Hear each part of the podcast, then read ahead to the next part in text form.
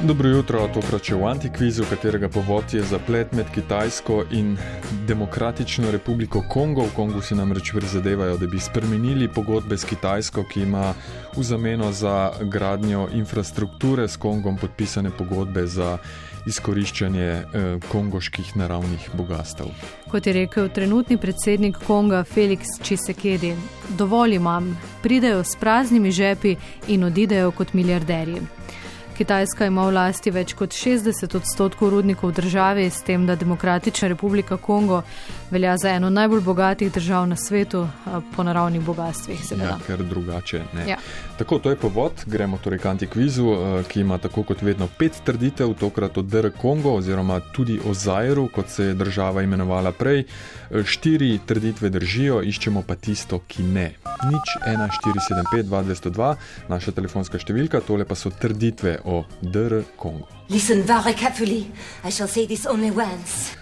Prva, diktator Mobutu Sese Seko je izdatno financiral Rumble in the Jungle, znameniti dvoboj med Foremanom in Alijem v Kinshasi leta 1974. Boksarema je osebno zagotovil po takrat neverjetnih 5 milijonov dolarjev. Drugi podatek. Kubanci so navdih za svojo rumbo dobili v Kongu pri kongoški rumbi. Tretji podatek v rojstnem listu najbolj znanega športnika iz DR Kongo, nekdanjega NBA-jevca, je zapisano ime Dikembe Mutombo Polondo Mukamba Jean-Jacques Vava Mutombo. Čestitam. Četrti podatek. Uran, ki so ga uporabili v atomskih bombah, odvrženih na Hirošimo in Nagasaki, so američani dobili iz današnjega Konga. In še peti, zadnji podatek. Najbližji prestolnici dveh držav na svetu sta Kinshasa in Brazavil, med njima potekajo tudi najkrajši mednarodni leti z avionom, dolgi so približno 5 minut. Nič 1, 4, 7, 5, 2, 202, kateri od petih podatkov ne drži.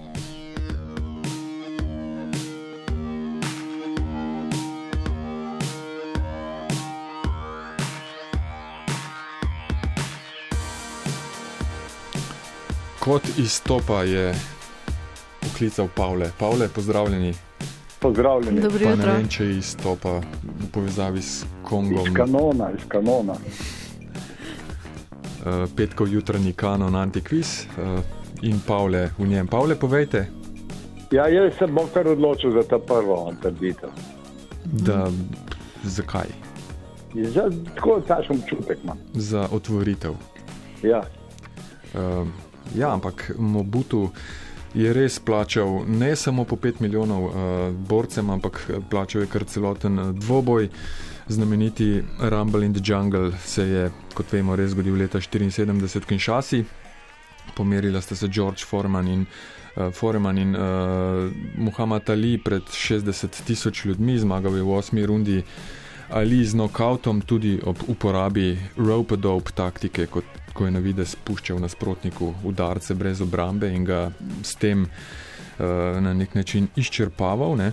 Uh, kako je do tega dvoboja prišlo in ravno v Kinshasi je pa tema naše trditve in odgovora, Uršula? Ja, dvoboj je organiziral Don King, eh, ki je z obema boksarjema podpisal pogodbi za takrat, kot že omenjenih, neverjetnih 5 milijonov dolarjev, s čimer se je zavaroval, da ne bi dvoboja organiziral kdo drug, ker je bil to res neverjeten denar.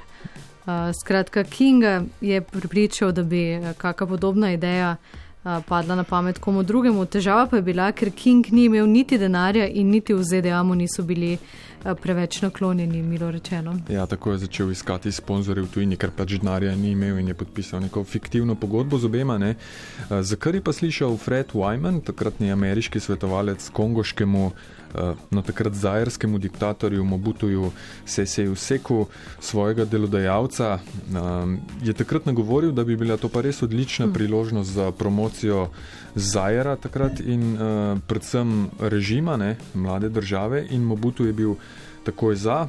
Don King je potem celo v nekem intervjuju rekel, da je Mobutu denar nakazoval kar prek Muamerja Gaddafija, mm. torej prek Libije.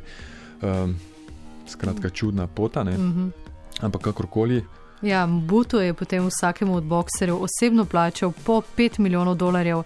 Uh, upoštevajoč inflacijo in ostalo bi bila protivrednost tega denarja danes blizu 30 milijonov in govorimo za vsakega. Ja, pa če boksarjev. upoštevamo še, da takrat v športu ni bilo takih denarjev in honorarjev, je številka bila res neverjetna. Poleg tega pa je prevzel še vso um, financiranje organizacije dogodka v Kinshasi, ki so ga oglaševali kot najšportni dogodek 20. stoletja. Uh, po njem pa so seveda nastali mnogi dokumentarci. Uh, Takrat, recimo, no, so v Kinshasi igrali eh, tudi glasbeniki uh, nivoja James Brown, pa B.B. King in podobni. Mm. Dvoboj pa je boj, da videlo dve milijardi ljudi. In čeprav so domačini takrat usklikali Ali boma je? ali ubiga, uh, sta Foreman in Ali pozneje postala velika prijatelja.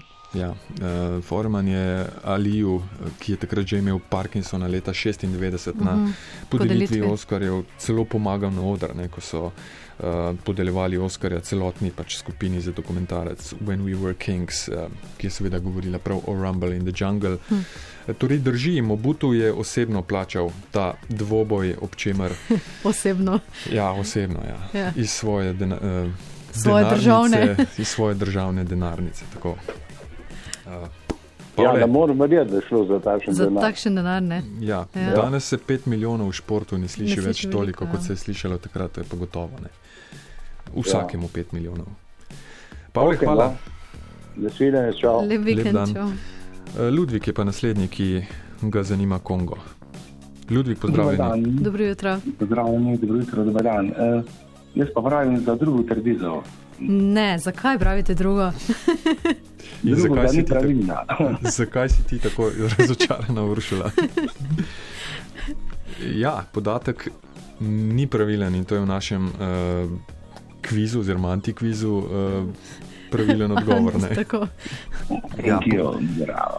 Čestitke, Ludvik. Pot je bila namreč Hvala, hvala. eh, ravno obratna. Ne? Kongoška rumba oziroma tudi rumba eh, lingala v Keniji, Ugandi in Tanzaniji po enem od jezikov je seveda eden najbolj popularnih glasbenih žanrov, zvrsti in plesov v Kongu že od 40 let. Eh, Tudi najbolj svetovno znani glasbeniki iz Konga preigravajo um, Ja, to kongoško zvrstne. rumbo. ne. Mm. Ja. V 40 letih so po kongoškem belgijskem radiju eh, zavrteli tudi nekatere afrokubanske skupi- skupine, Septeto, Abanjero, eh, Trio Matamoros in tako naprej, eh, ki so preigravali tako imenovano Son Cubano. Ja, glasba je postala tako popularna, takrat, da so jo začele igrati tudi domače skupine in jo na robe poimenovali rumba, uh, ta kubanski son. ne. Uh, najprej so celo peli kar v španščini, kar je za Kongo. Nenavadno, ne, nenavadno. pozneje so pa pač to prepesnili še v francoščino in lingalo. Uh, torej, kongoška rumba je v bistvu uh, uvoz uh, skube v Kongo, skuge, skube. Je pa res, da ima tudi afriške, uh, ampak vse afriške korenine. Ne. Tako. Ludvik, Čestitke. tukaj mi je napisal, uh, Prav je izdačno. uh, ja, Ludvik, Ja, hvala, pustite thank podatke. you. Thank Ja, you. ja. Thank you.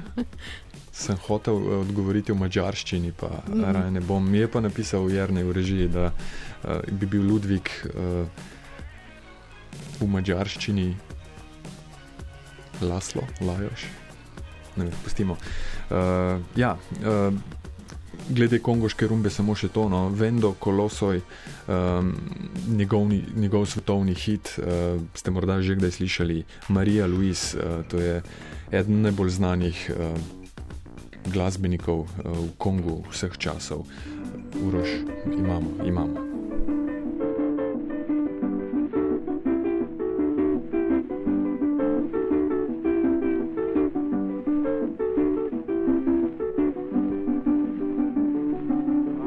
Mali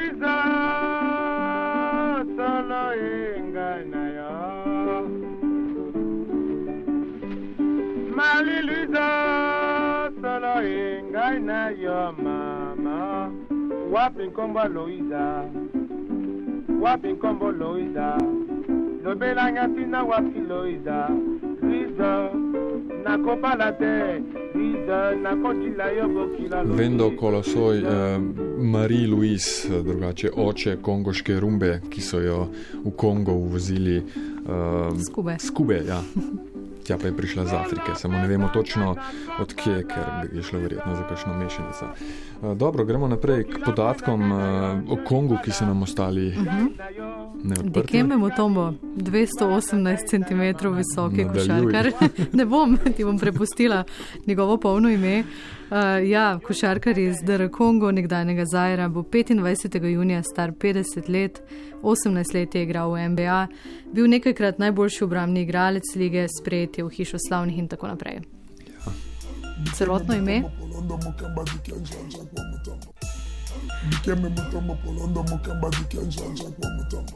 Ja. Zanimiv glas ima tudi, mislim Ja. pa, da njegov sin tudi igra košarko, samo um, mislim, da je še na koledžu, ne, se pravi uh -huh. univerzitetno košarko. Uh, je pa kakšen centimeter nižji, ampak kdo ve, morda pa tudi on pride v NBA. In kdo ve, kako je pa njemu ne, ime. Ne. Uh, drugače pa Dikembe Mutombo, Polondo Mukamba, Jean-Jacques Vava Mutombo, nekaj takega reče Dikembe Mutombo mm, v zadju. Zakaj toliko imen? Eh, Ja, zakaj? Otrok dobi v Kongu, pa verjetno v kakšni drugi afriški državi tudi um, ob rojstvu oziroma ob krstu najbrž eh, imena po starih starših, po starših, po tetah ali stricih. Prvorojenec, prvorojenec dobi imena po očetovi sorodstveni strani, drugorojenec potem po mamini in tako naprej izmenjaje. Ne? Bi bilo zanimivo res slišati sinovo ime. Ja, Zanimivo. ne vem, živi v Ameriki tako. Da, mu, So verjetno skrajšali. so verjetno skrajšali. Je pa vsak od teh, ki mu da ime, hkrati tudi njegov boter. To. Zanimivo. Pa not in my house, kot pravi Uroš, uh, njegov znameniti gib s prstom uh, po banani, po blokadi. Um, Četrti podatek vezan na povod za antikviz izčrpavanje naravnih bogastev. ja, ena z naravnimi bogatstvi uh, najbogatejših držav na svetu. Praktično ni rude, da je tam ne bi našli, ne. sicer pa ena najrevnejših držav na svetu. Hm. Uh, trditev je šla v smer, da sta obe atomski bombi uh, nosili tudi uran, ki so ga um, Pridobili iz današnjega Konga. tako. Ja. Uh, in ga potem uporabili za gradnjo omenjenih dveh atomskih bomb, uh, Fat Man in pa Little Boy, ste imeli meni uh -huh. v rudniku ob mestu Šinkaloboe v provinci Katanga. Takrat je bila to še belgijska kolonija, potem nekaj časa celo uh, samostojna državica, uh, ko so se države v Afriki, kolonije osamosvajale. No, danes je ta rudnik čisto zapuščen in uničen. So pa tam očitno našli izkopali najbolj čisto uranovo rudo na svetu. Eh, Če komu kaj pove ta podatek, v njej je delež uranovega oksida kar 65 odstoten. Eh, Za primerjavo, uran, ki so ga takrat našli v ZDA in Kanadi, je imel le en odstotek, tam pa 65 odstotkov. Ja, pove razmerje, drugače pa popolnoma nič. Ja. Eh, Rudnik, kot rečeno, je zdaj zaprt, še vedno pa se najdejo posamezni rodari, ki gredo vseeno tja in uh, pač tvegajo življenje ter kopljajo uranovo rudo, pa še bolj kobalt. Še en podatek, najbližje ležeči prestolnici na svetu. Eh, Pet minut eh, dolg mednarodni let z avionom. njima. Neverjetno, ne. Ja. ja. Edino eden bi bil lahko še krajši, ampak to bi bilo pa res nenavadno, ker sploh ne vem, kam bi dali letališče, če bi leteli recimo iz Vatikana v Rim, ne, v prestolnici. Um, drugače pa ja, Kinshasa, Demokratična republika Kongo in Brazavil, eh, Zahodni Kongo, razdalja med njima je umestni tok reke Kongo, v najbližjem delu se mesti približata na zgolj kak kilometr in pol. Um, in če bi na področje pogledali iz zraka, gre pravzaprav za, eno, za en tak megalopolis na dveh bregovih reke, ki pa leži uh, ta megalopolis v dveh državah. Ena je bila francoska, druga pa belgijska kolonija. Belgijska je ta Kongo, o katerem govorimo mi. Kot omenjaš, med njima teče druga največja afriška reka in najgloblja na svetu, eh, do 700 metrov globoka eh, Kongo. Že desetletja sicer načrtujejo, da bi prek reke zgradili most, pa tega doslej še niso storili. Uh, Ja. tako, tako da edina pot. Ja, je reka, torej Mhm. ladja, trajekt. eh, Organizirani so pa tudi najkrajši poleti med prestolnicama na svetu, torej Mhm. eh, mednarodni leti. eh, Komercialna letalska družba Aski Airlines iz toga sicer operira. Pretežno samo v Afriki, no nekajkrat dnevno pa organizira tudi lete prek reke, trajajo pa kakih pet minut, cena pa kar neverjetna, verjetno sploh za afriške Mhm. -huh. razmere, ne, od 250 evrov naprej, enosmerna, da se razumemo. Hm. Pet minut. Tja in nazaj, in še enkrat tja bi lahko šli v času antikviza. ja, zanimiv podatek. Utiraš sovrano. Ja, med dvema mestoma in dvema državama, Kongo Kinshasa in Kongo Brazzaville, tako tudi rečejo državama po uh, glavnih mestih, da ju lažje ločijo med sabo, oziroma da ju sploh ločijo. Ker uh, če bi šla delati anketo na ulico, kakšna je razlika med vzhodnim in zahodnim Kongom, pa kaj to sploh je. Dvomim. bi dobile zanimive odgovore. Ja, nič, hvala za sodelovanje v tokratnem antikvizu, vsem eh, trem ali štirim, ki ste poklicali, eh, tudi tistim dvem, ki nista prišla. na